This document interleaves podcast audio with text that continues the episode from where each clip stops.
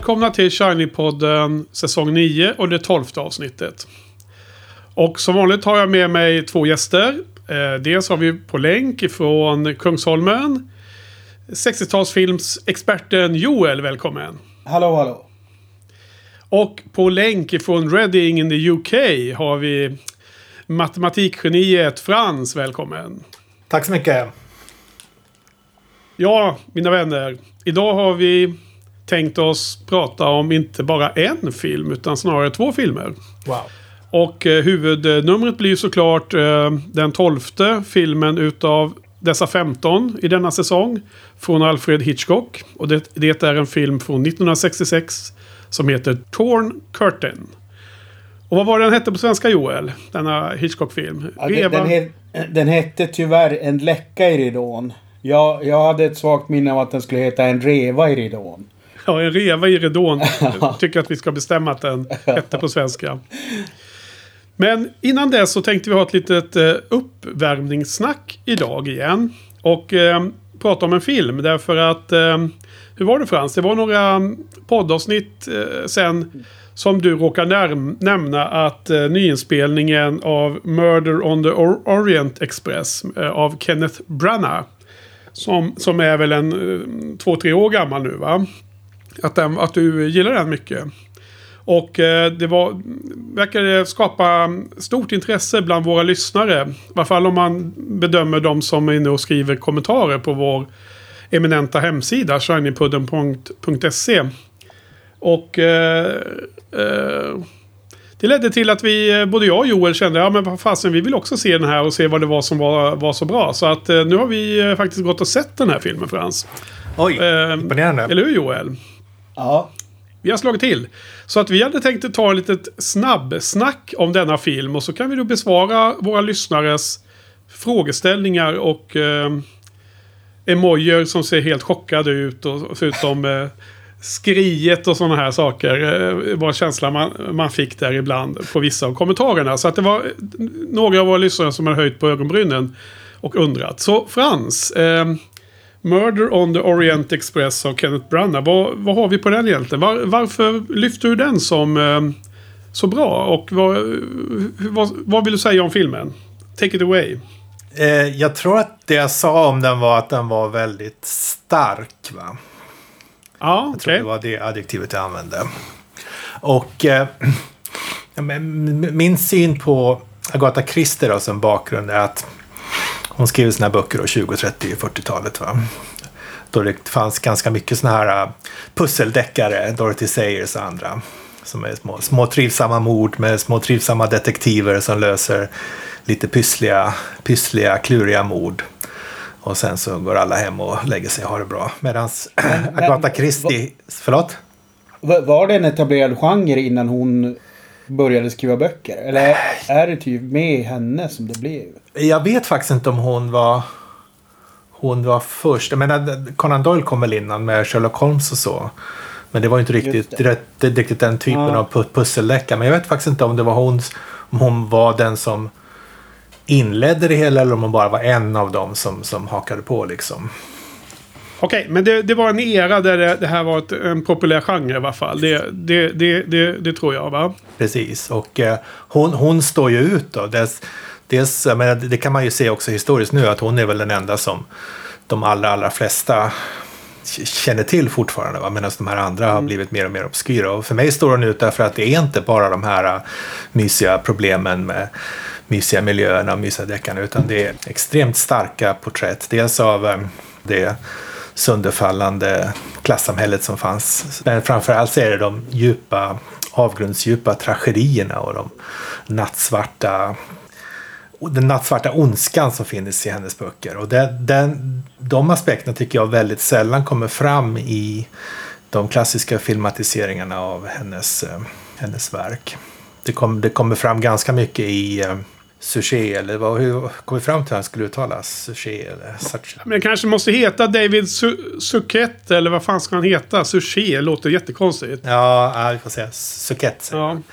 Ehm, men i den här filmen tyckte jag att det, det kom fram så otroligt väl. Jag, jag, alltså, jag, jag läste den här som ganska ung så jag kommer inte ihåg exakt handlingen. Så jag vet inte om han, om han, om han har fifflat med handlingen på något sätt. Men det spelar inte så stor roll. Men jag, jag kommer ihåg känslan av den här enorma tragedin som den här familjen hade utsatts för. Som ligger till bakgrund för det här mordet. Då.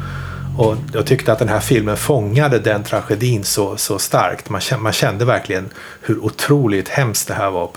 Framförallt i slutet av filmen. Mm. Det var, det, var det, det var det, därför jag tyckte att filmen var stark och därför jag lyfte den.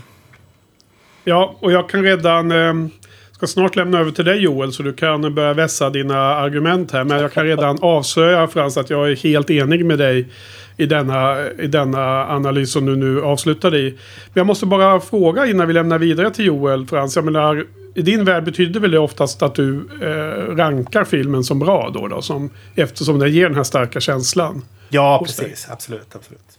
Ja. ja, men bara för att uh, vara tydlig med det. Att det var en... Uh, det kanske var adjektivet stark som du beskrev det. Men, men du menar också att den var bra. Mm. Ja.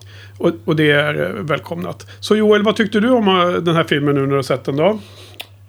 Eh, jo, men jag tycker Frans att... Eh, liksom... Eh, fingret på det väldigt bra. För att jag upplevde också att jag blev väldigt berörd när det uppdagades hela grejen på slutet. Och att det var väldigt makabert och väldigt omfattande. Och jag kände liksom att jag blev ganska berörd. På ett ganska... Mm, liksom ett, ett sätt som jag kanske inte är riktigt van vid när jag ser den här typen av filmer. Att jag faktiskt blev lite äcklad och lite så här... Eh, ja, frånstött liksom. Eh, och i det, i det fallet så tycker jag att det är bra. Alltså det, det är liksom... Eh, det är bra att en film kan väcka den typen av reaktion hos mig. Eh, sen överlag så har jag liksom ingen relation direkt till tidigare varianter utav filmen. Eller, eller jag har inte ens läst boken. Men jag vet, jag vet ju själva sluttwisten så jag satt ju mest och undrade om, den, om han skulle ha gjort om den på något sätt. Men ehm, grunden är ju kvar. Sen vet jag kanske finns någon, någon förändring men just hela vad, vad som... Eh, hur, hur skallade mordet har gått till är ju typ detsamma om jag nu minns det rätt. Eh, men det jag tar med mig är ju det, det som Frans eh, sa där om, om just att den är liksom eh, lite tyngre och, och gå på djupet där. Sen annars, annars för mig var det en väldigt habil film. Alltså liksom en, vi brukar ju snacka om de här James Bond-filmerna som går till, på TV4 liksom eh, på söndagarna. Och så sen så man behöver bara liksom varva ner lite innan, eh, innan veckan ska börja liksom. Och den, den fyller absolut den typen av syfte. Okej, okay, så vad eh, eh, intressant. Och vi, det är helt o...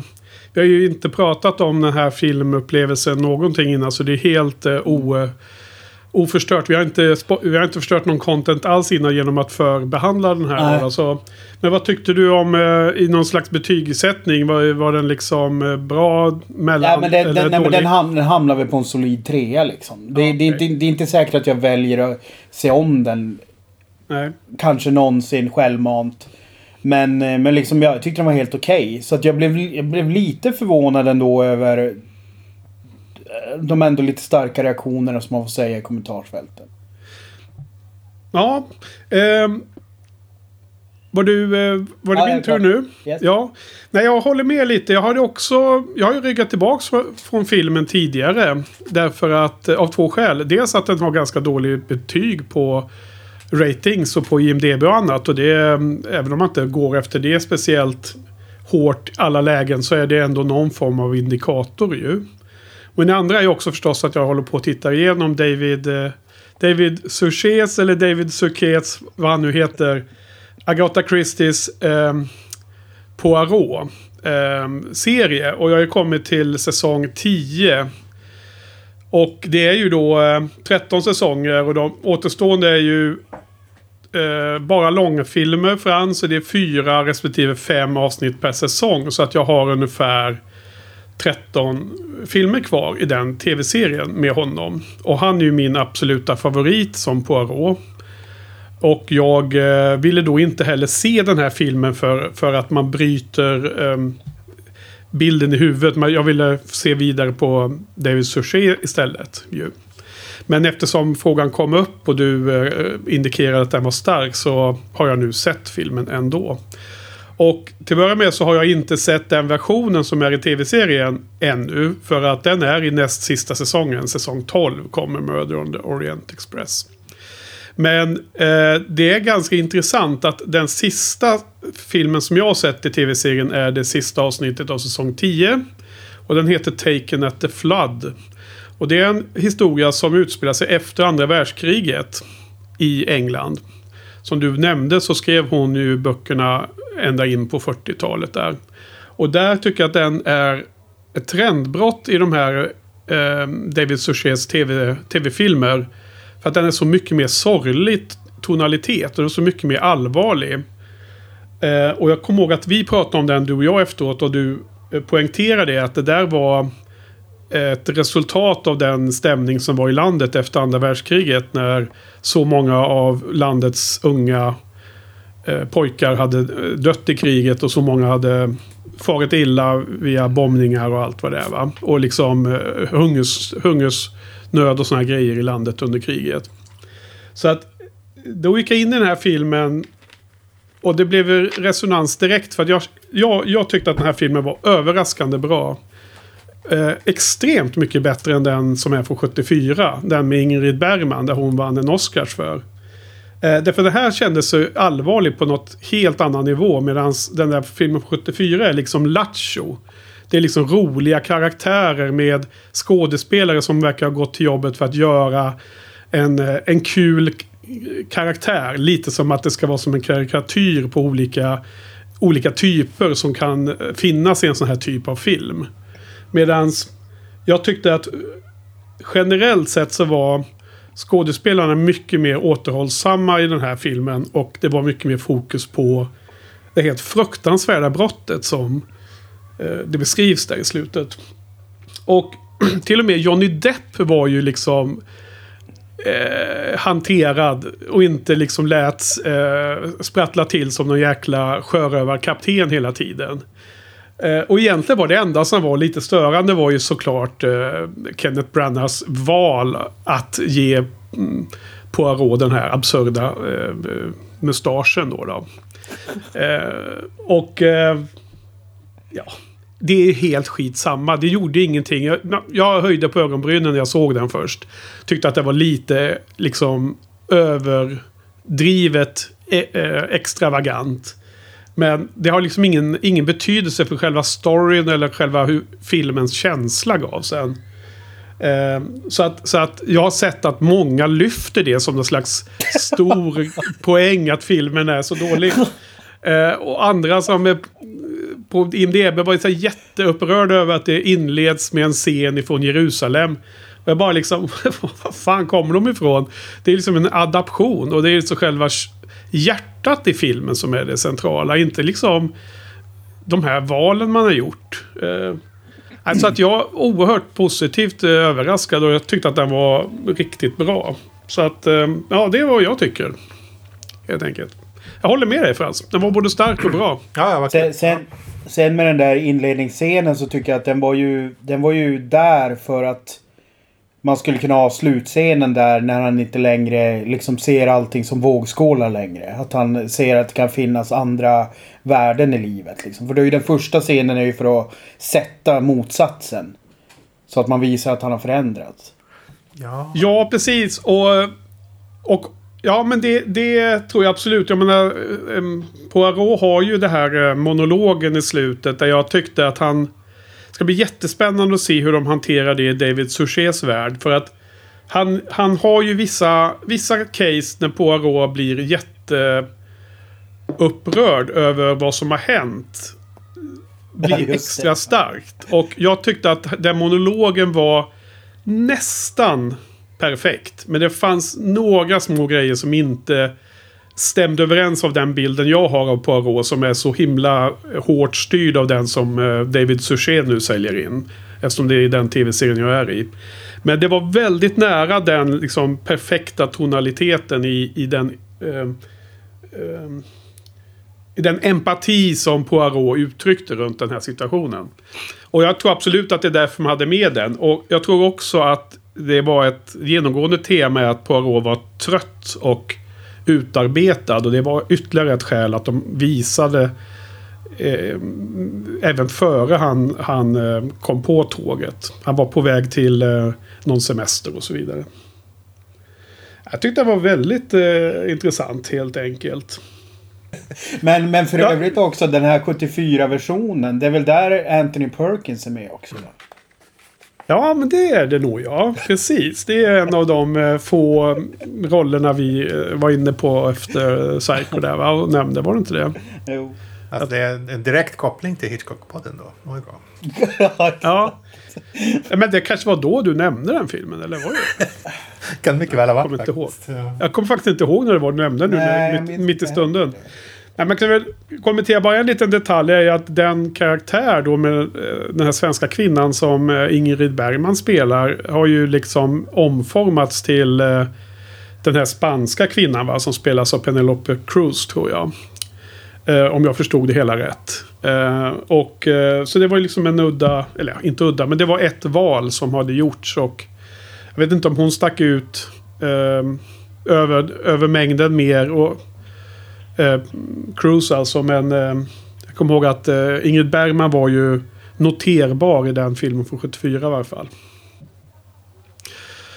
Okej, men nu, då ska vi gå vidare då in till dagens film som då handlar om Hitchcock istället. Och eh, så nu är vi då inne på den andra av de sista fem. Eh, Frans, för att vi är på upploppet här nu va? Om vi säger så. Efter mina, som jag myntade, The Big Four, så hade vi fem kvar. Och eh, nu är det Torn Curtain från 66. Och det här är vi åter i en sån här eh, agentvärld, spionvärld. Eh, vi känner igen temat eh, tid, sedan tidigare. Vi har ju både Eh, vad heter den från 30 Två stycken från 30-talet. Dels har vi förstås The 39 Steps. Sen har vi självklart båda versionerna av The Man Who Knew Too Much. Men sen har vi den här från tåget. Vad heter den? Lady Vanishes eller något Just. liknande heter den va? Och jag tycker att han återkommer till det temat där då. då. Och den heter Torn Curtain. Och vad heter det? Re reva i eh, gardinen. Eller vad heter den på svenska? Läcka, läcka i ridån. Okej. Men alltså Torn Curtain, alltså en reva i ridån är ju en mer ordagrann översättelse. Ja, verkligen. Ja. Men eh, vad handlar den här filmen om då? Har vi någon synopsis? Eh, från eh, Letterboxd. It tears you apart with suspense. During the Cold War, an American scientist appears to defect to East Germany as part of a cloak and dagger mission to find the formula for a resin solution. But the plan goes awry when his fiancée, unaware of his motivation, follows him across the border. Eh, denna synopsis eh, spoilar skiten ur filmen direkt på de här få meningarna. Men det är väl fine då kanske. Eh, den här gången så tänkte jag avsluta med mina åsikter om filmen. Så att eh, jag låter dig starta helt enkelt Frans. Vad tycker du om Torn Curtain? Oj, ja vad kul att få prata först. Eh, alltså, jag tycker att den är ganska trivsam. Den har, den, alltså, handlingen är ju i stora avseenden ganska märklig. Mycket, mycket, mycket saker som händer bara för att det ska gå att... Gå att för att det är en helt absurd eh, sekvens som händer bara för att han ska få bråttom. Tycker de kunde kanske ha hittat något, något annat sätt att eh, initiera lite, lite urgency där. Men, eh, men det, jag tycker den är ganska rolig. Det är många små, små lustiga sekvenser med lustiga eh, fysikepisoder. Eh, lustiga termer de använder som måste komma någonstans ifrån. De måste ha valts av någon anledning. Ja, Det är, det är härliga mm, scener från, eh, från Köpenhamn och från Berlin och var, överallt var de nu är någonstans. Från Stockholm också. Men, men det största intrycket när jag såg den nu var att jag tyckte att halva filmen saknades. Och till slut så kom jag på att, att det finns ju en annan film där Paul Newman också spelar eller ha- ha- en annan film som också handlar om fysik där Paul Newman spelar huvudrollen. Där de också är i Skandinavien. Som har gjort, gjort nästan samtidigt. I min hjärna så har de här filmerna slagits ihop till en. Att jag saknar en massa scener när han springer omkring i Stockholm som då finns med i den här andra filmen. Som heter men vad heter den då? The Prize. Som handlar om Nobelpriset. Nobelpriset, okej. Eh, Men den filmen lyckas jag inte hitta att streama eller köpa eller hyra eller någonting någonstans. Så att det, det var lite, lite tragedi att man inte fick se den. Ja. Är, är det någon, någon film som du känner till Joel, eller? Nej, men jag måste googla den därför att jag har lite samma känsla som Frans. Eh, därför att jag saknade också delar av filmen. Eh, så jag måste bara kolla snabbt om det är den jag Sto- tror. det, lå- det låter inte som att det är stående ovationer för den här Torn Curtain direkt när, när två av tre redan har sagt att stora delar av filmen saknas. Men eh, Paul Newman är alltid bra. Julie Andrews, det är ju... eh, Svår, jag har svårt att ha någon relation till henne. Det är ju, var min mammas favoritskådespelerska. Så jag är uppfödd från... Eh, för, före födseln med hennes eh, alla sånger från Sound of Music och som alltid, alltid sjungs hemma och eh, vad heter den andra? Mary Poppins och sådär. Så, Ja. så att hon är nästan som en, eh, känns nästan som en familjemedlem. Liksom svårt, svårt att ens eh, se henne som en skådespelerska. Men, alltså, men kan det inte bli lite också att man nästan tar lite avstånd också från om föräldrarna är superfanatiker över en skådespelare eller en komediduo från Skåne eller något sånt där. Så blir man nästan lite så att man undrar, kan jag verkligen gilla det här? Jag vet inte. Jag, för mig, jag vet inte om jag gillar det men, det, men det är så inrotat liksom. Alla, alla de här sångerna till exempel som mamma sjöng jämt hemma och sådär. Ja. Som man själv, själv sjöng i skolan och sådär. Så att det, det, det är en sån stor del av livet liksom. Så att det är svårt att betrakta, se henne objektivt tycker jag när hon spelar in film. Så här. Sen finns Ja, det ju okej. en favoritkaraktär som jag måste nämna. Han, vad heter han? Grommek eller något sånt där va? som han, Gillar du hans svarta läderpaj? Ja, han är, han är väldigt festlig. Tyvärr, tyvärr tar Hitchcock död på honom väldigt, ganska tidigt. Men alltså känns inte han nästan som att han hoppar över från en James Bond-film? Ja. han har så Ja, det är en otroligt spionfilm. Så. cool inställning till li livet och spioneriet och allting liksom. Ja. Han undrar om den här pizzerian på hörnet mellan 8 Avenyn och 88 gatan om den fortfarande fanns Ja. kvar. Det är ungefär som att när man, när man träffar någon och säger att man jobbar på Ericsson. Och så får, ja, men känner, du, känner du den här personen? Ja, det är ganska Men stort. eh, en liten sak till som jag vill nämna innan jag lämnar över ordet. Det, jag tycker det var lustigt maktspel mellan Julie Andrews karaktär och den här östtyske fysiker, vad han nu hette. För I början när de var i västvärlden så var ju hon, hon dominerade honom totalt och han var helt lelös och hängde efter henne. Och liksom och, men, men, men sen så fort de kom över till öst eh, Berlin då så blev, så blev det helt ombytt. Helt plötsligt så Ja. var han hemma och han, han, han tog upp hela scenen liksom och var otroligt stark och kraftfull och pekade med hela handen. Ja, eller om, han, eller om, han, eh, om det var hans uppdrag att spela mesig och svag när han var i väst. Ja, Inte precis. avslöja sig som en agent. Ja, precis. Eh, oklart. Så att- Ja, någon annan, eh, har du fler små, eh, små grejer? Skjut mer. Ja, det, det kanske kommer upp. Får se. Det kommer, ja. Okej, Joel. Eh, först, har du hittat den andra Jo, Paul ja, Newman-filmen som Frans nämnde? The Nej, Price? det, det, det är inte en Paul Newman-film. Det är en William Holden-film. Som heter Mas Maskerad agent på svenska. Eh, och den är från 62. Originaltiteln är The Counterfi Counterfeit Traitor. Nej, men, Eh, Finns det nej, tre filmer om nu? film, alltså? Ja, Frans pratar om en film som heter The Price. ja precis. Men, men det här är... För att det här är också... Eh, Blacklisten in Modern Day... Day uh, World War II, a Swedish oil, oil trader opts to assist British allies. Så att den här utspelar sig ju tidigare. Men, men jag minns att slutscenen är också att han ligger i en båt. Nu är det spoiler för den här filmen då. Men alltså att slutscenen är också att han ligger gömd i en båt. På väg tillbaka till Sverige eller något sånt där. Ja, men alltså jag, jag, jag, jag slår IMDB på The Price och får direkt upp en Paul Newman-film från 1963. Ja. As the Nobel Prize winners come to Stockholm to receive their awards, their lives are overturned and perturb, per, perturbed in various ways. Så jag menar, jag menar, det verkar som att det finns ändå en film som Frans nämnde. Jo, har ja, ja, nej, men absolut, nej men absolut. Nej men alltså Frans eh, är ju nog säkert mer korrekt. Grejen är att jag vet att... Jag är rätt säker på att jag såg båda de här filmerna när jag bodde i USA. Alltså att jag Okej. såg dem på såna här... Det finns ju tv-kanaler där som visar klassiska filmer. Eller fanns då i alla fall. Ja, just det. Turner som bara- Classic Movies och så. Ja. TCM och dem. Ex exakt. Ehm, det, det här, den, de här gick inte på TCM, men en annan utav de här. Och då var jag ju, då var jag ju väldigt, alltså det var ju som um, julafton att sitta och kolla på, alltså eftersom det fanns ju inte internet på, fanns ju inte streaming på samma sätt då. Så att man fick liksom passa på. För de nu som är under 30-årsstrecket som lyssnar. Ja, exakt. Men, eh, eh, så att det, det, det är därför de här två lite simmar ihop och så sen att sluten är lika. Men egentligen filmerna i sig är nog inte så jävla lika. Men det är, båda har ju den här, den här skandinaviska kopplingen.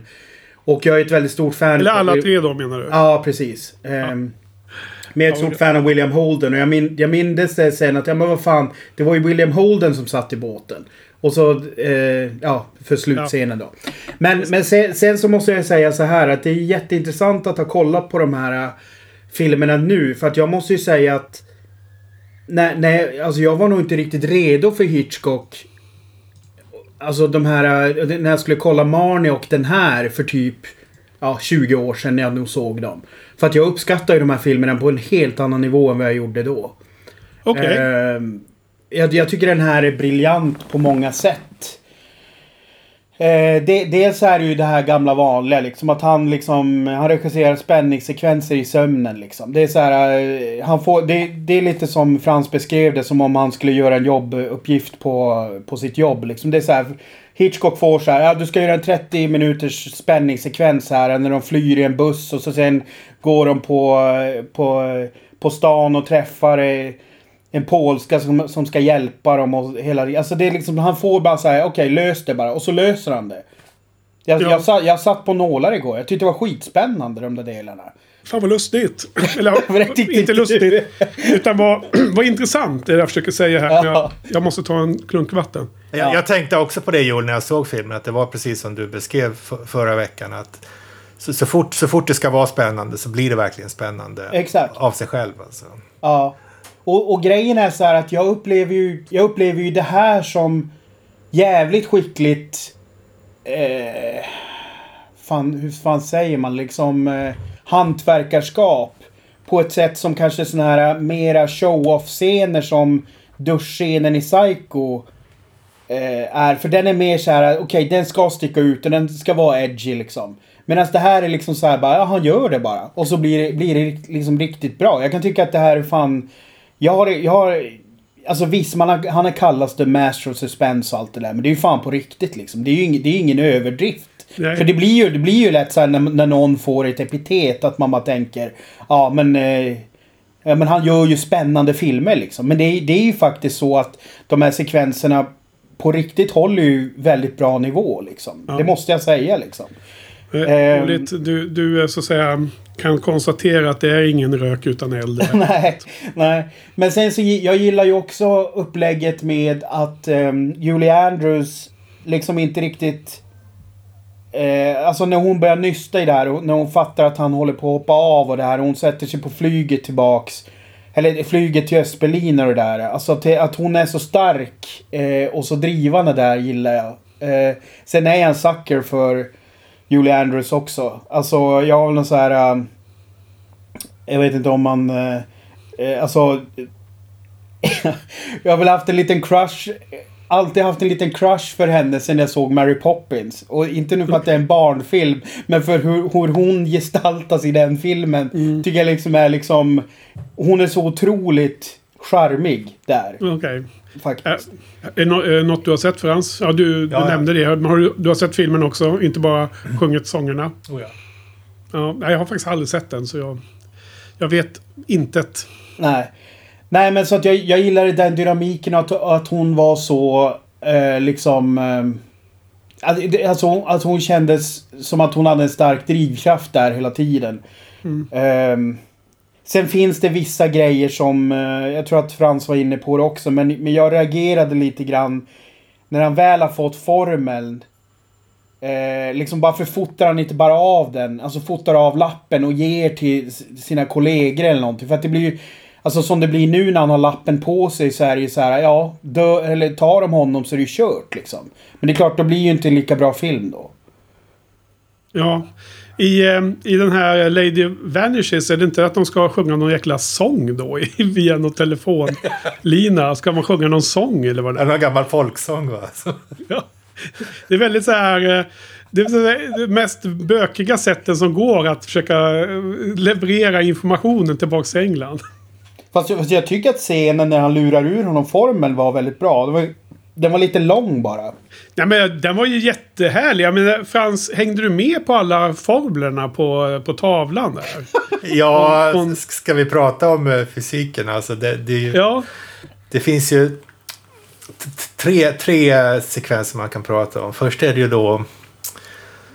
Eh, är det på båten eller är det i Köpenhamn? Jag kommer inte ihåg exakt. Men då ska det vara någon föreläsning dit alla Nobelpristagarna ska gå. Som är då Neutrino Collisions. Som är Ja. ganska, ganska lustigt. För neutriner de eh, reagerar inte på någonting. Så att när de, när de Ja. kolliderar så händer det inte så mycket. ja så då, då undrar du direkt, är det här ett fel? För att de bara inte har fattat eller är det någon, någon som haft jät- jätteroligt när de skrev manus va? Ja, precis. För jag menar, det är ju möjligt att han har ta- tagit två ord som låter fysikaliska och slått ihop dem. Men det är, det är också Mest- ganska troligt att han har haft en, att han haft en vetenskaps eh, advisor som har, som har skämtat lite och tagit... Nej, men det är väl antagligen, jag gissar att det är den första. eh, Ska vara helt ärlig. Okej, okej. Så, Sen, de bara så, freestylat. Ja, precis. Att de har ingen aning. men sen så pratar de om antideuteroner va, i, i, eh, i sängen där, han och Julie Andrews. Han frågar vad är din åsikt om antideuteroner?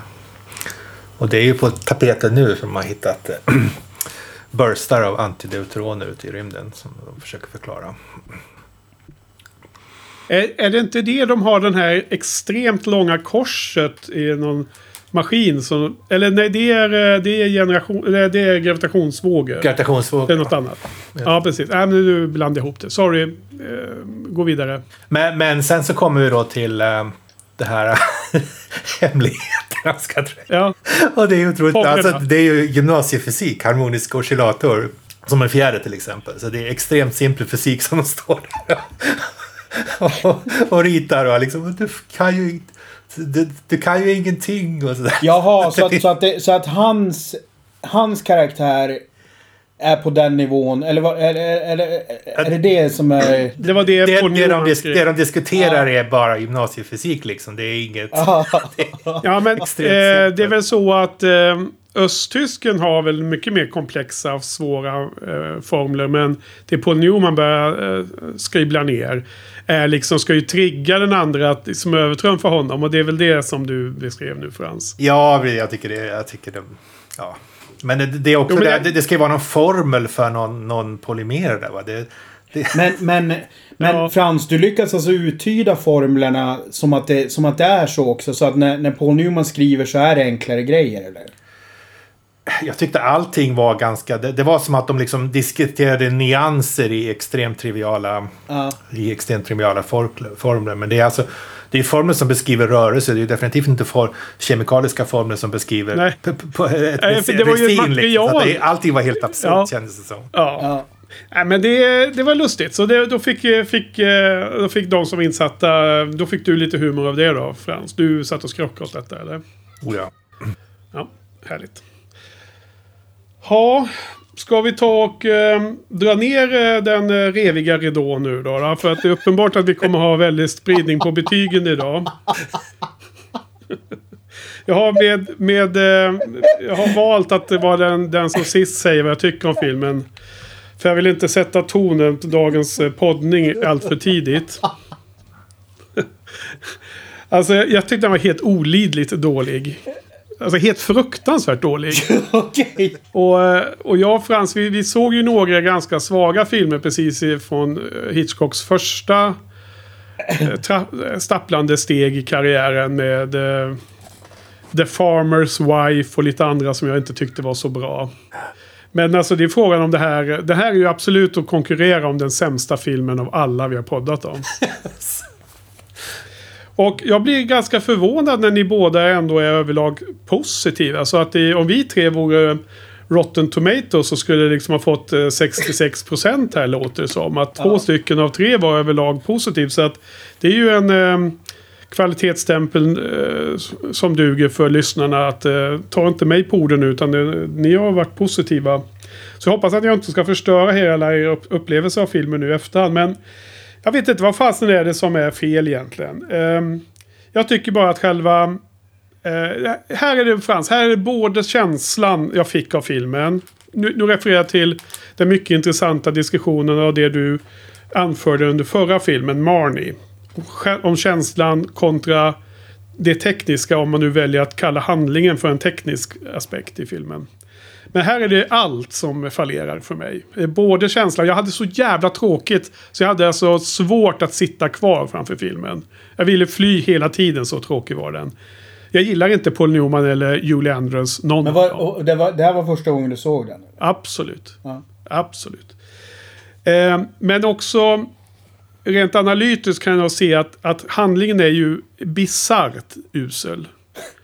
Eh, varför en amerikansk eh, forskare som tar ett uppdrag att jobba som en låtsasdefektor för att sen kunna stjäla en, en eh, hemlighet, en, en, eh, en formel att ta tillbaka den till väst. Går och, och eh, eh, förlovar sig precis innan han ska göra detta. Är ju bara liksom totalt under isen. Det är, bara, det liksom diskvalificerar hela filmen. Fast det är ju den ultimata covern. ja, absolut. Det, absolut. Bra. Mer sådana saker. Det, det, är bara bra att, att, uh, bryta ner det. Men jag, nu redovisar jag lite som jag satt och tänkte. Och det är ju, jag såg någonstans att Hitchcock hade tagit fasta på ni vet i kalla, början på kalla kriget så var det väl fyra kända brittiska storspioner som senare hamnade i, i Sovjet. Jag kommer inte ihåg namnet på dem nu, men det är de som... Philby eh, och de här va? Eh, ja, det är de som John Le Carré skriver om i de här Tinker Tailor Soldier Spy egentligen och så. Och då hade eh, Hitchcock lagt märke till att de, deras fruar hur är deras perspektiv i att deras män helt plötsligt var storspioner och liksom i vissa fall flydde och i något fall tror jag de blev utlämnade till sovjeterna. Och eh, så han, han, mycket riktigt som du var inne på det Joel, så är det ju Julie Andrews som, är, som kanske är den drivande faktorn i den här filmen, idén i filmen. Men jag bara tyckte att hennes beteende var helt jäkla absurt. Men det, det är bara som jag upplevde det. Och jag tror att jag har redan tänkt vidare och undrat varför reagerar så starkt på den här filmen som bara känns otroligt lökig. Den känns helt pajig. Det känns som en clown, clownerier. Och då inser jag att den här är alltså gjord ett år efter um, The Spy Who Came In From The Cold. Som bygger på den här John Le Carré, kända John Le Carré-romanen. Och det är ju en film med Richard Burton i huvudrollen. Och som har, alltså som är så otroligt mycket mer känslostark allvarlig, seriös och mörk.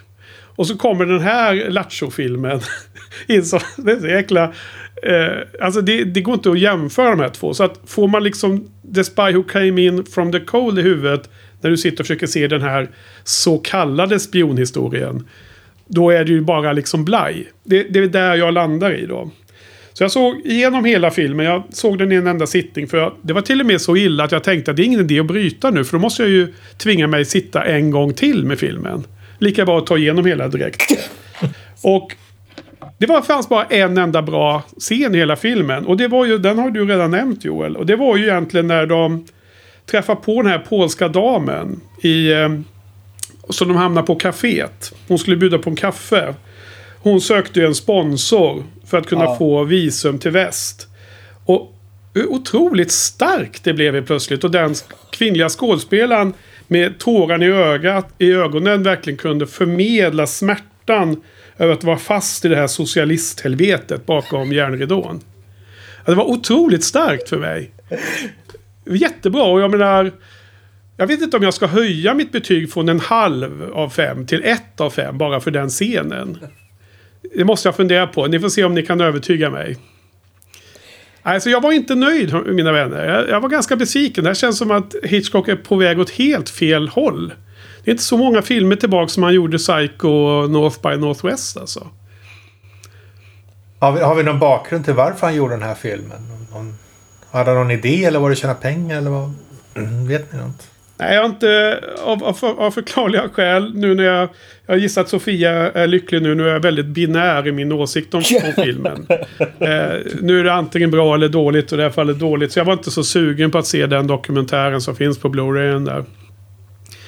Men jag har sett Nej. någonstans det jag nämnde Frans. Det där om eh, eh fruns perspektiv av en eh, att hennes make var en stor spion liksom. Ja.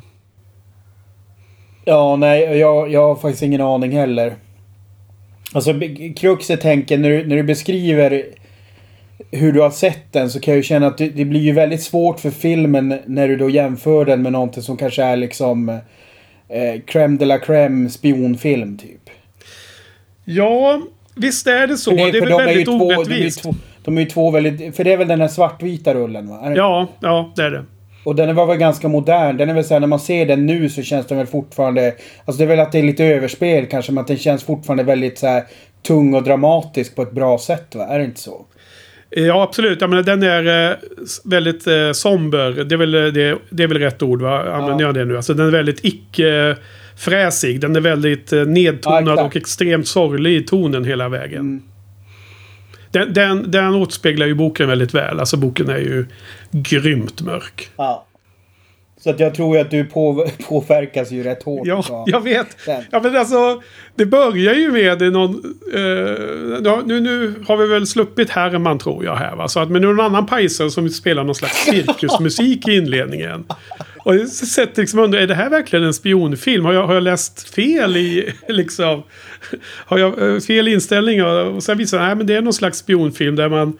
Där man liksom gör så många brott på någon slags... Eh, jag ska inte prata om logik, men alltså ha någon slags... Eh, man måste ha någon slags handling som man kan köpa på något sätt i varje fall. Liksom. Men du, du var inne och nämnde något om det Frans, att det fanns massa lustiga skäl till att det blev bråttom och sånt. Eh, det, det känns som att manus är...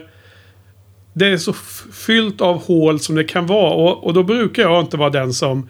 Det behöver inte förstöra en film för mig. Märk väl, det kan finnas andra värden som jag älskar och då blir inte eh, manushålen speciellt viktiga. Men i det här fallet var det liksom inget som räddade eh, filmen i övrigt då. För mig. Men, men eh, nog om det negativa. Berätta mer om eh, vad ni gillar. Jag Ja, förstår för- att det, att det tar, lite, tar lite luften ur diskussionen kanske. Men ja, ja, vad säger ni? Eh, utmana mig i min, eh, Ja, min alltså, eh, känsla om filmen. Jag tycker ju att scenen när Gromek mördas är ju fruktansvärt brutal. Ja.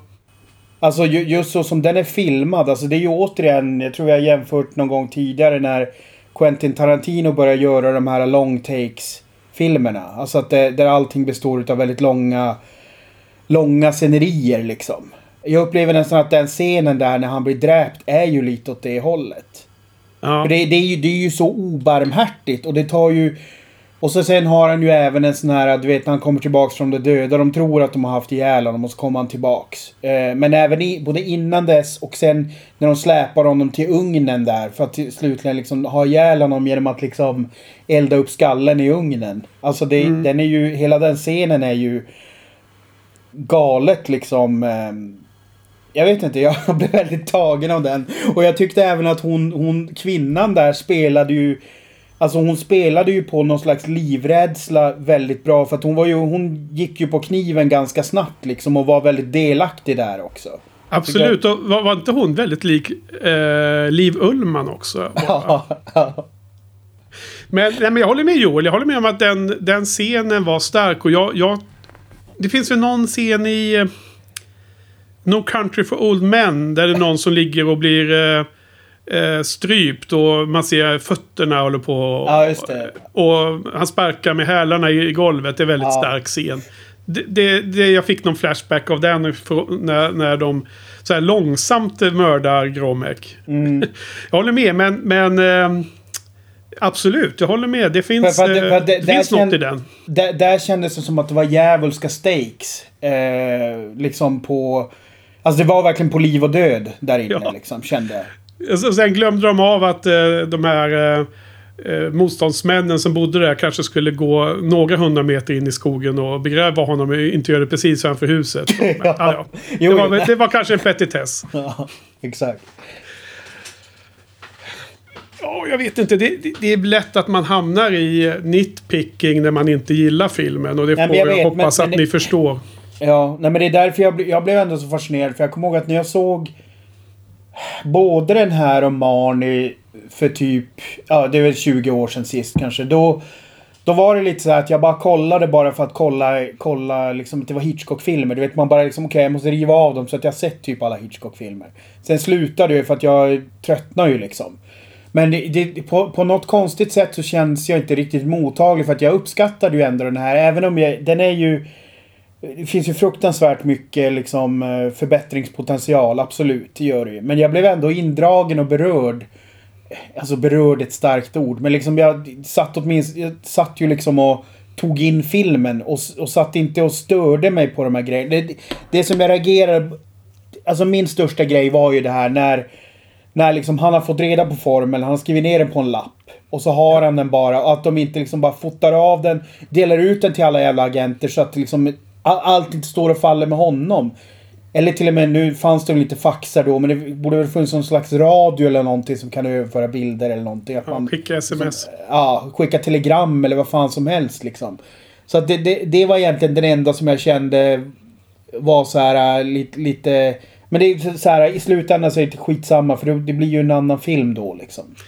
Nej men alltså jag, jag, jag måste hålla alla avenyer öppna här och alla liksom alternativa förklaringar till varför jag inte gillar filmen. Det, det ena kan vara Joel att jag har blivit utmattad nu av, av Hitchcock. Att jag liksom inte är mottaglig längre på samma sätt som du för eh, ett antal år sedan ville se alla filmer som ett projekt och sen blev trött på det. Ja. Men det är ju exakt samma ingångsvärden som vi har haft här.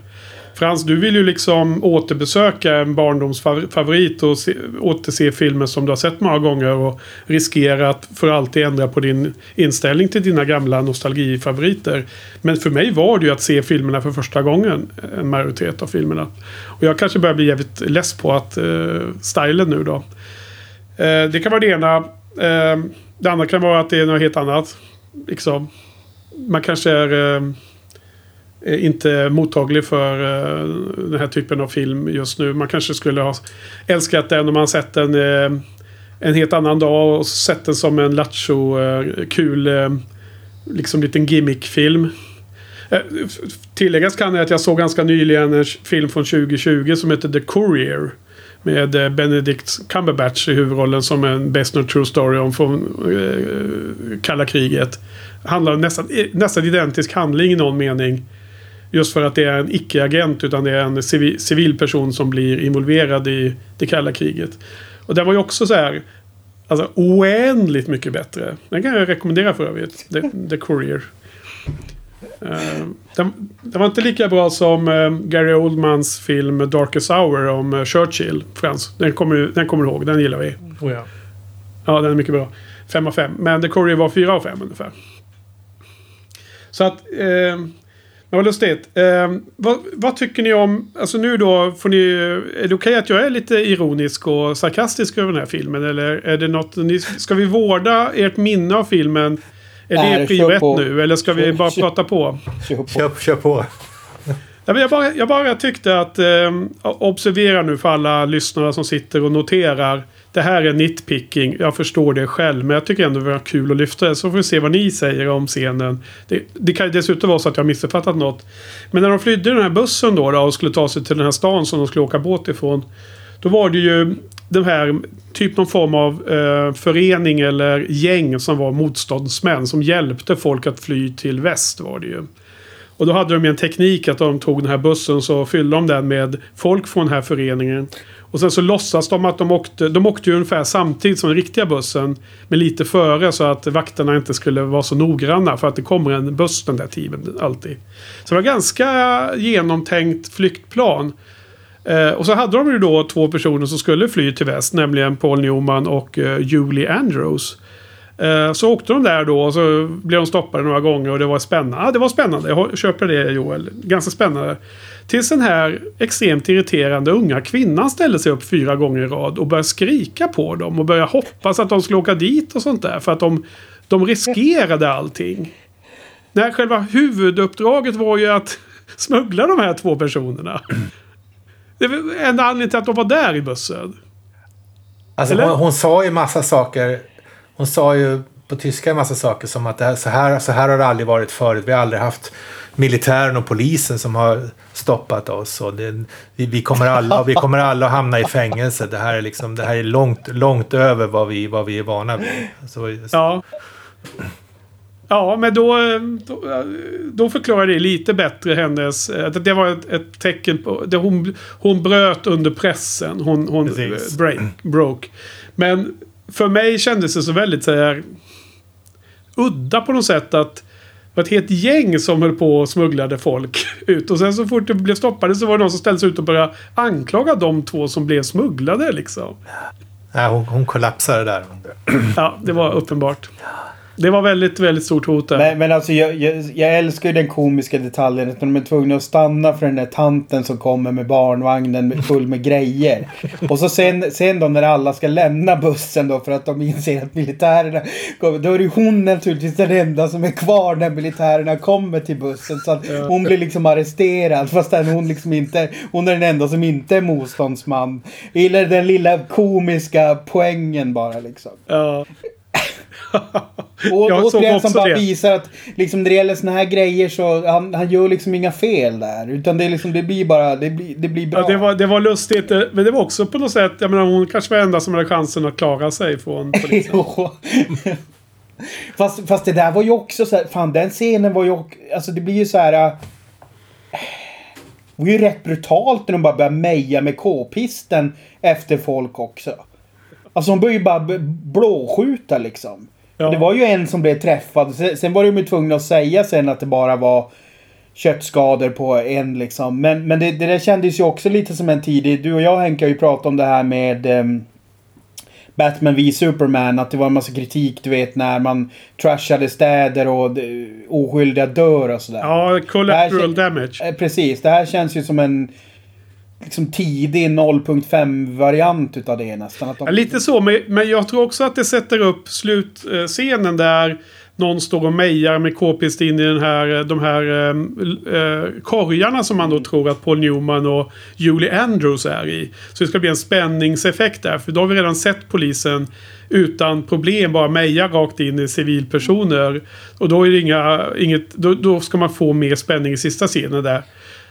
Nej, jag vet, jag Men, vet, men den, här, den här ganska lustiga, hon är någon slags eh, primadonna där då som blir hela tiden förnärmad över att, att andra ska fotas och och uppmärksammas. Hon den här mörkhåriga som då sen försöker liksom avslöja den här smugglingen när de är i svenska hamnen.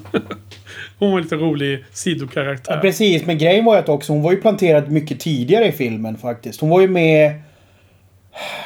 Fan var det? Absolut, hon, hon var med på flyget dit och när hon, Ja. kom, på, när hon kom på stegen och skulle gå ner där i, i Östberlin. Då så trodde hon ju att alla fotograferna var där för hennes skull. Det var det som var så roligt. Och så var det bara, nej nej gå undan här. Så skulle de ju visa den amerikanska Paul Newman kom där med sina blå ögon. Då han var ju eh, the big ticket där för journalisterna. Men, men, men jag måste bara gå tillbaka till den där scenen när de står och mejar. För att jag blev så här, där blev jag liksom urdragen igen på så här, fan det här är ju liksom... Det här är ju Östberlin på riktigt liksom. Det här är liksom inte någon jävla spion, trivial, du vet så här skämtfilm om, eh, om den här tiden. Utan det här, det bara kändes...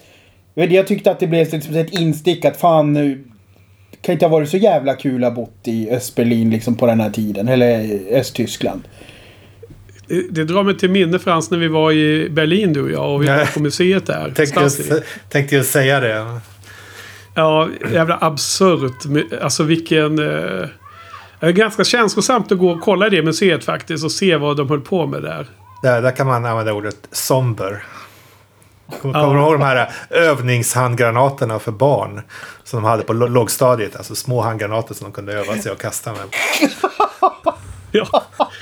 Alltså det var helt bisarrt faktiskt. Det är svårt att beskriva på så här. Jag tror nästan att man inte ens ska försöka för att det måste, måste nästan ses själv om man går igenom de här, de här lokalerna som var exakt de lokalerna de satt och liksom eh, de här intervjuerna som utfördes på, på, på befolkningen som togs dit. Alltså det, det är ju ja, helt otroligt. För övrigt, kolla på The Courier. Det, det är ganska somber avslutning på den filmen. Kan man säga. Kommer du ihåg de här avlyssningsprotokollen som de hade? Det liksom stod noggrant allt vad som hade hänt under dagen med, med objekten. Eller subjekten. Och sen så var det sista raden var typ 10 över 11. Allt, allt är stilla i objektet. Liksom, då har de gått och lagt sig. Nej, det var fasansfullt. Men, men en sak jag skulle, jag Ja. vilja lyfta en teknisk detalj faktiskt. Jag, tyck, jag var imponerad, Okej. imponerad över att när alla perifera personer pratade med varandra, alltså inte med, med amerikanerna, så pratade de sitt eget språk och de gjorde det i stort sett perfekt. Va? De pratade norska, danska, svenska, tyska. Det var liksom inte...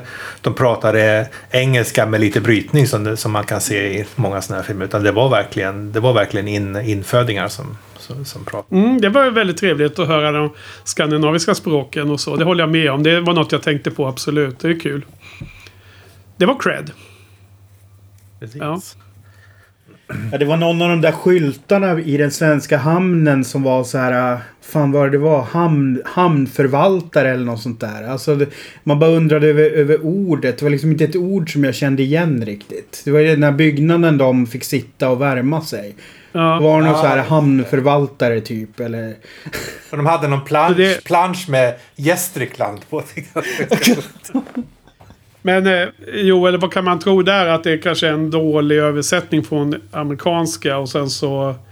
Eller så kanske helt enkelt var så att det hette så på... Ja, ja, nej men, det, nej, men det, 60-tal. det, ja, ja, exakt. Alltså det är nog mycket möjligt att det, att det, att det är korrekt liksom. Eh, Alltså för mig låter det som ett, eh, ett ord som man eh, förmodligen såg i barn. Jag tycker det låter som ett, ett riktigt ord. Så att det är nog kanske något Mm, jo, jo nej, nej men absolut. Det är nog det är ett ord som bara inte används nu för tiden på samma sätt. Eller liksom jag är ju inte någon eh, eh, redarperson så. Så att jag har liksom järnkoll på den terminologin. Mm.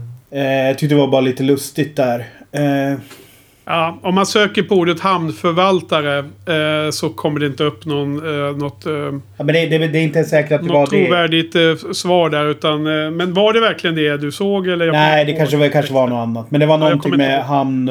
Du vet, som, som en vaktmästare för hamnen eller Mm. där. Mm.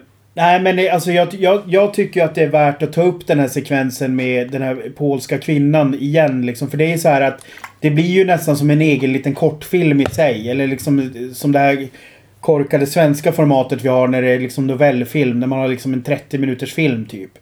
Att hon tar ju liksom över där på ett sätt som är... Alltså, jag, jag, jag gillar ju det också. Jag tycker det blir jättebra. Eh, just för att hon... Först så ser man hur de bara tänker fan hon är ju knäpp i skallen liksom. Hon är ju, hon är ju ett psykfall. Hur kommer vi bort från henne? Tills de ändå börjar känna lite för henne och liksom och så, och så ser de någon slags dubbel grej att de inser att de faktiskt kanske behöver henne. Men jag upplever ändå att åtminstone Julie Andrews faktiskt fattar lite tycke för henne också. Och så sen, Ja. då får vi hela situationen då när de blir jagade och det blir hon som räddar dem. Och då inser man ju att hon kommer ju... Hon kommer ju aldrig komma ifrån Östtyskland nu liksom. Och det gör ju hon också i det läget. Det subjektet kommer också bli helt stilla en kväll. Ja, precis. Eh, hon spelades ju bra som fan. Hon, het, hon, heter, hon hette Lila Kedrova. Eh, har gått ur tiden, blev gammal. Eh, hon dog år 2000. Så hon spelade den här Countess Kuczynska i den här filmen. Det var ett Hon bekant säger- namn Henk- Henke. Vad har hon mer spelat? Jag känner igen det namnet. Hon har spelat i Zorba. Det är väl en film du har sett? Ja, ja Zorba the Greek. Zorba the Greek. Ja, det, är, Ja, det är en typisk fransk film som du har sett Frans. Det, det visste jag inte ens om. Det kunde jag bara dra ja, ja, men det är också en väldigt tragisk film. Så den ska ni se. Ja. Absolut. Ska vi se. Det, vem är det som är kändis där då i den då? Anthony Quinn, ja precis. Du-du, Också en 60-talsfilm. Det kanske är du som är 60-talsfilmsexperten Frans. du-du-du, Känns som... du-du, du-du. Ja, ni dansar bra. Ja, ja okej. Vad säger ni pojkar? Um, Jag Men- pratar mer om eh, filmen. jag har Det var fler... lite synd att... Så, förlåt. Ja, Det var lite synd att du inte kollade extra materialet tänker. För man skulle vilja se liksom det här sångnumret som de tvingade Julie Andrews att göra som blev typ bortklippt.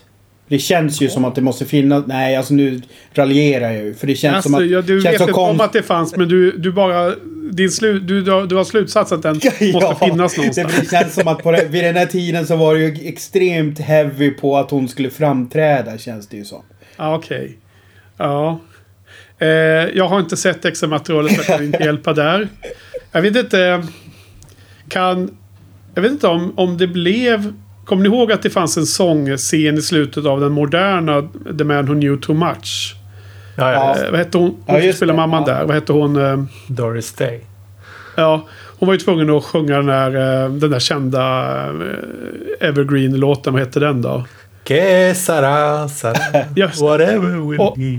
Ja, så skulle sonen då känna igen oss. Ja. Men det, jag tror att det fick en del kritik. Om, om det var samtida eller om det bara är moderna filmtittare som ger det, den scenen kritik. Det kan ha varit så att om det var samtida kan ju Hitchcock ha tyckt att även om Julie Andrews har sjungit med framgång i andra film kanske han drog sig från. Ja, nej, men för jag menar, alltså grejen är ju... Jag menar, hon hade gjort Sound of Music typ... Och fan var inte det året innan eller? Eh, och klart. Vi kan Jag kolla. menar, det, det är ju liksom den mest ikoniska musikalfilm typ sen eh, Singing in the Rain. Vid den Ja, året innan är exakt Ja. rätt. Så att det, det känns... Alltså jag tyckte bara... Jag tyckte... Jag, jag blev så här, ah, okej. Eh, han lät henne bara skådespela. Jag, jag vet inte, jag satt och reflekterade över det i alla fall. Sen det är klart Ja. att... Ska man tjohorna in det...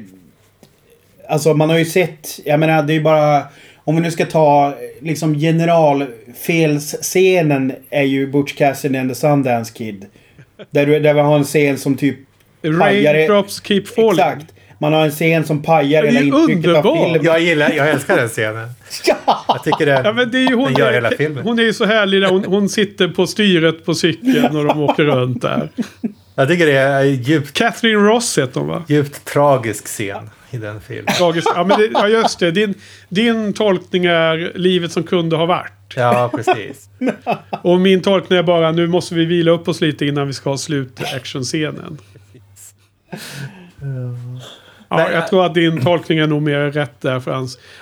Eh, men du, eh, om vi håller oss upp, stanna kvar lite vid Julie Andrews. För jag tog ju fram hennes sida här på IMDB då Joel. Alltså den första filmen av de fyra, alltså jag får ju lite rätt här för eh, den här filmen, Torn Curtain, är inte med bland de fyra som hon lyfts Nej, jag vet. Jag, jag, jag reagerar Eh, på det också.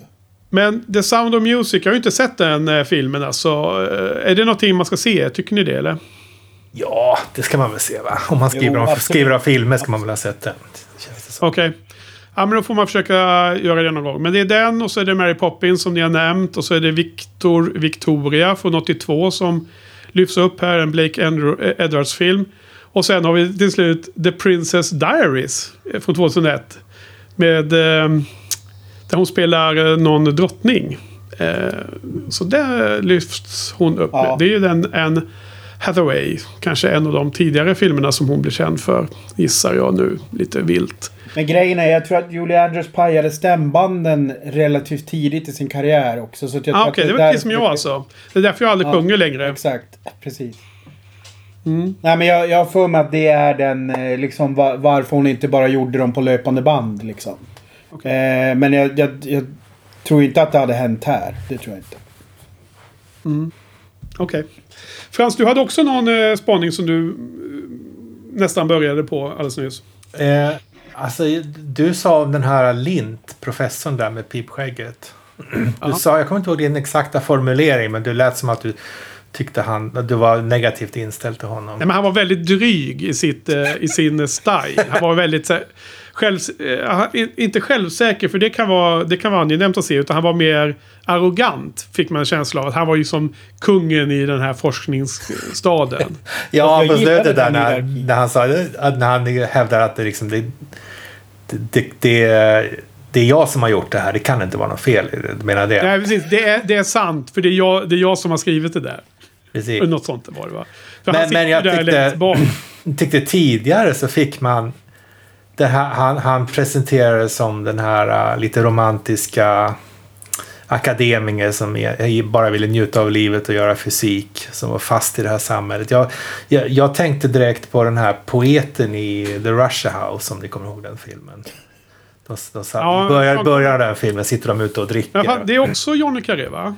Det är också Jan Le Carré, precis. Ja, precis. Och det finns, de sitter och dricker i början där med någon poet som ska ha någon slags roll i det här um, dramat sen. Och det, han är lite samma karaktär liksom. Han sitter där och bara drömmer om det, det egentliga livet som är bortom allt det här eländet som är det, den, den, den verkligheten de lever Jo, men alltså jag tror inte att Lint är den karaktären. Nej. Det, det framgår inte när de står och skriver på tavlan och Lint förstår att Paul Newman är på andra sidan. Nej, men när de är på restaurangen och eh, dansar och dricker och han bara vill prata om, om livet och konsten och wienervalserna. Då, då, Fast- då fick jag lite Ja. de vibbarna. Det var då jag kom, kom han, att är, tänka han, på är, det. han, är ju, han är ju drillad agent. Eller inte agent, men han är drillad i säkerhetstänket. Tolkar jag den scenen som. Ja, jag, jag, exakt. Jag får samma vibb som Henke där. Att det liksom är någonting han har tränats till att liksom säga då. Men, men sen så föreslår... Sen fortsätter ju Paul Newman att prata med honom ändå. Och då kuggar han ju i lite grann. Men han, han känns ju mera som driven forskare än, än livsnjutare. Även om han super till lite. Ja, plus, plus att jag tycker att det är ganska... Det, det, det som är bra gjort av Paul Newmans karaktär, vad nu än hette, är ju att han utnyttjar Linds eh, arrogans mot Lind. Och det är det som jag tycker är kul att de får fram på det här sättet. Och som du säger Joel flera gånger, jag menar, Hitchcock är ju bra på de här scenerna. Han gör ju dem bra. Mm. Sen är det bara synd att han har ett eh, fruktansvärt ma- manus att bygga sin story runt. Men Henke, ska vi, ska vi fortsätta ner i minnenas allé? Ja. Det finns en scen där de sitter eh, i ett auditorium och han, han sitter och pratar med några andra fysiker där va, som, som ska godkänna honom för att få till... Ja, han blir förhörd, till- ja. Det, var, det var ganska likt den, vad heter det, Sigbansalen i Uppsala. Det var Sigbansalen, ja, lite precis. mindre. Och, eh, men då kom jag att tänka på att 1991 måste det ha varit, va? när det var 90-årsjubileum till första Nobelpriset. Så bjöd de ju in alla fortfarande levande Nobelpristagare i fysik att hålla ett föredrag. Inte i Sigbansalen men i, eh, i universitetsaulan. Kommer du ihåg det? ja, Så att det var... Ja, det var precis Gelman och Nussbauer och all, alla de här legenderna. Alla som fortfarande levde höll en timmes föredrag. Och där höll ju Nussbauer ett föredrag om eh, just att upptäcka neutrinos i han. ja. Bygg, byggde någon gigantisk damm i Alperna under, i underjorden där han skulle upptäcka. Ja, men, precis, är, det det, är det inte där man använder också någon eh, stor sjö under någon is någonstans? Att, eh, Ja, nu för tiden gör de vad det är. I Antarktis eller något sånt där? ja, Ja, precis. är det inte det experimentet? Nej, men hans experiment, det var ju länge sedan, det var 30 år sedan då, men då, då var det ju i, under, under bergen i Alperna om jag minns rätt. Ja. Men det är väl samma, samma princip. För vad är det liksom, typ 99,9% av alla bara flyger rakt genom jorden va? För de är så små. Ja, det är nog säkert mycket ännu större. Ja, men mycket, mycket med så, ja, jag bara sa kort. Många nior. Men kommer, kommer du ihåg den föreläsningsserien? Den, Nej. Gör du? Ja, ja, jag minns det väldigt, väldigt tydligt. Jag Nej, kommer, men alltså, jag kommer ihåg eventet men jag kommer inte ihåg detaljerna på det sättet som du nu beskriver. Nej, men jag- just den här scenen när de står och pratar där, liksom fysiker emellan om, eh, om, om fysik. Det påminner mig om de, de föreläsningarna. All, alla, alla de här legendariska nobelpristagarna satt på främsta raden och lyssnade på en av sina kollegor. Och, Anders hade någon minne av att eh, Gellman, jag kommer inte ihåg vem det var som föredrog att han bara satt, liksom, han bara skakade på huvudet. Ja, men det är säkert det är ju så superstor konkurrens inom den här forskarvärlden ju. Så folk kan ju ha väldigt olika åsikter i sig. Ehm, ja, nej men alltså jag känner ju... Jag, jag tänkte också på föreläsningssalarna och inte minst Sigmansalen. Det är namngiven efter kända eh, kem, kem, kemiker från Sverige som har fått eh, Nobelpriset. Och det är, det, det är väl två eller om det inte till och med tre generationer Sigbarn som har fått Nobelpriset i kemi va? Är det inte något sånt? Ja, jag tror att det är två. Manne, hans pappa och Kai. Ja, men okej, jag, jag överdriver säkert i huvudet precis som, som ofta sker. Men två då är ganska lustigt ändå. Om det är nepotism eller om det är briljans. Eh, om geniet har, har eh, förts ner via, via arvsmassan eller om det är andra skäl att två stycken får Nobelpris i samma familj. Det låter jag vara osagt. Ja, jag har en del historier men det kan vi inte ta i podcasten. Men det, annars så brukar väl eh, typ mattekunskaper hoppa en generation va? Så att det är liksom typ farfar. Som ondska menar du? Va? Som? Som ondska? Ondska? Nej, nej vi, jag, Är det så? jag, jag nämnde, någon, nämnde någon film i periferin förra gången om, om vad, här, vad den hette, The Bad Seed, va? om ondska som hoppade en generation. Just det. Jaha. Ja. Nej, det visste jag inte att matte, mattegeni... Men Jag eh, tror att det kan vara så. Manne Sigman, han var ju... Det var ju han som förstörde... Vad hette hon den... Eh, Meitner, Lise Meitner. Han, han, han sabbar ju hennes karriär totalt. Det där känner jag inte eh, igen alls faktiskt. Vad är det, vad är det för någon story? Du verkar vara väl insatt. Ja, nej, det är en väldigt tragisk historia. Man kan läsa den här boken som jag har rekommenderat någon gång. Eh, eh, E equals MC squared, va? Okej. Där, där finns det beskrivet. Jag har inte kommit around till det ännu. Jag vet att du har. Jag har ju, jag har ju till och med den här i bokhyllan. Just det. Vad heter författaren nu igen? Ja, den har franskt klingande namn, jag kommer inte ihåg. Ja, eller italienskt. Eller vad fan är det? Ja, skitsamma. Ja, men... Eh, vad fan. Är vi klara med den här filmen nu, eller vad säger ni? Ja, det är väl kanske va? Ja. Har ni några fler spaningar? Joel, Nej. vad känner du? Nej, men jag har väl sagt det jag hade tänkt ta upp liksom. Ja. Okej, du får börja med betygssättandet, Joel.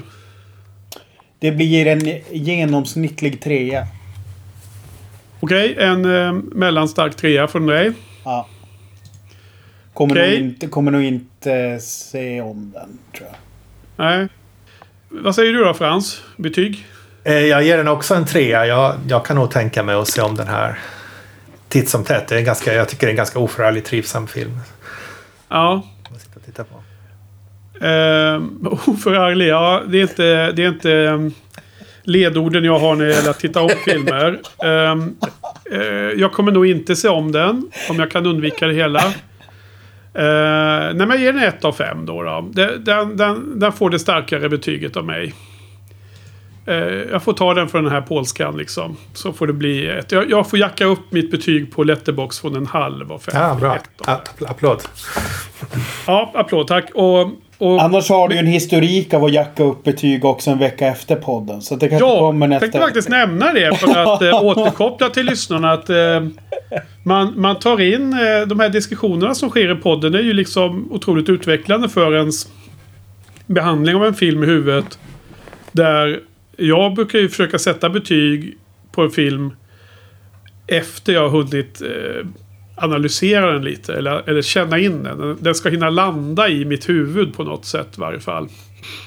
Så väldigt, eh, väldigt, väldigt bra filmer brukar oftast liksom rumla runt i huvudet ganska länge innan man kommer fram till det här högsta betygen. Och eh, den intressanta diskussionen som var förra veckan gjorde ju att jag faktiskt jackade upp eh, mitt betyg av Marnie från två av fem till tre av fem. När jag nu skrev om den på min blogg. Oh, wow, Så att grattis. jag messade ju er två och bad om tillåtelse för detta lite med glimten i ögat. Och ni, var ju, ni jublade ju och stod uppe och applåderade detta. Så jag har faktiskt eh, jackat upp den lite. Men den har, den har liksom legat till sig lite och jag har eh, förlikat mig med eh, skavankerna och, upp, och uppskattar dess förtjänster mer än min, vad balansen var när vi poddade om den. Så att det kan hända. Vem vet? Den här filmen kanske växer jättekraftigt och får betyg 1,1 av 5 om någon vecka. Vem vet? Tror, tror dock inte att det sker den här gången. Oj, det ska vara hundragradiga betygsskalor nu alltså. Ja, precis. Frans, ska vi gå igenom betygsskalan nu eller? Det, vi, har, vi saknar det under den här säsongen, eller hur är det? Vi måste analysera. Ja, jag har inte gjort korsreferenser än mot skådespelare och eh, teman och musik och, eh, och så vidare. nej, nej. okej. Vi lämnar det en vecka till då tror jag. Okej, vi ska blicka framåt. Nästa vecka så um, går vi vidare i den här sista fasen av eh, den här poddsäsongen. Och vi har kommit fram till 1969 och en film som heter Topaz. Topaz.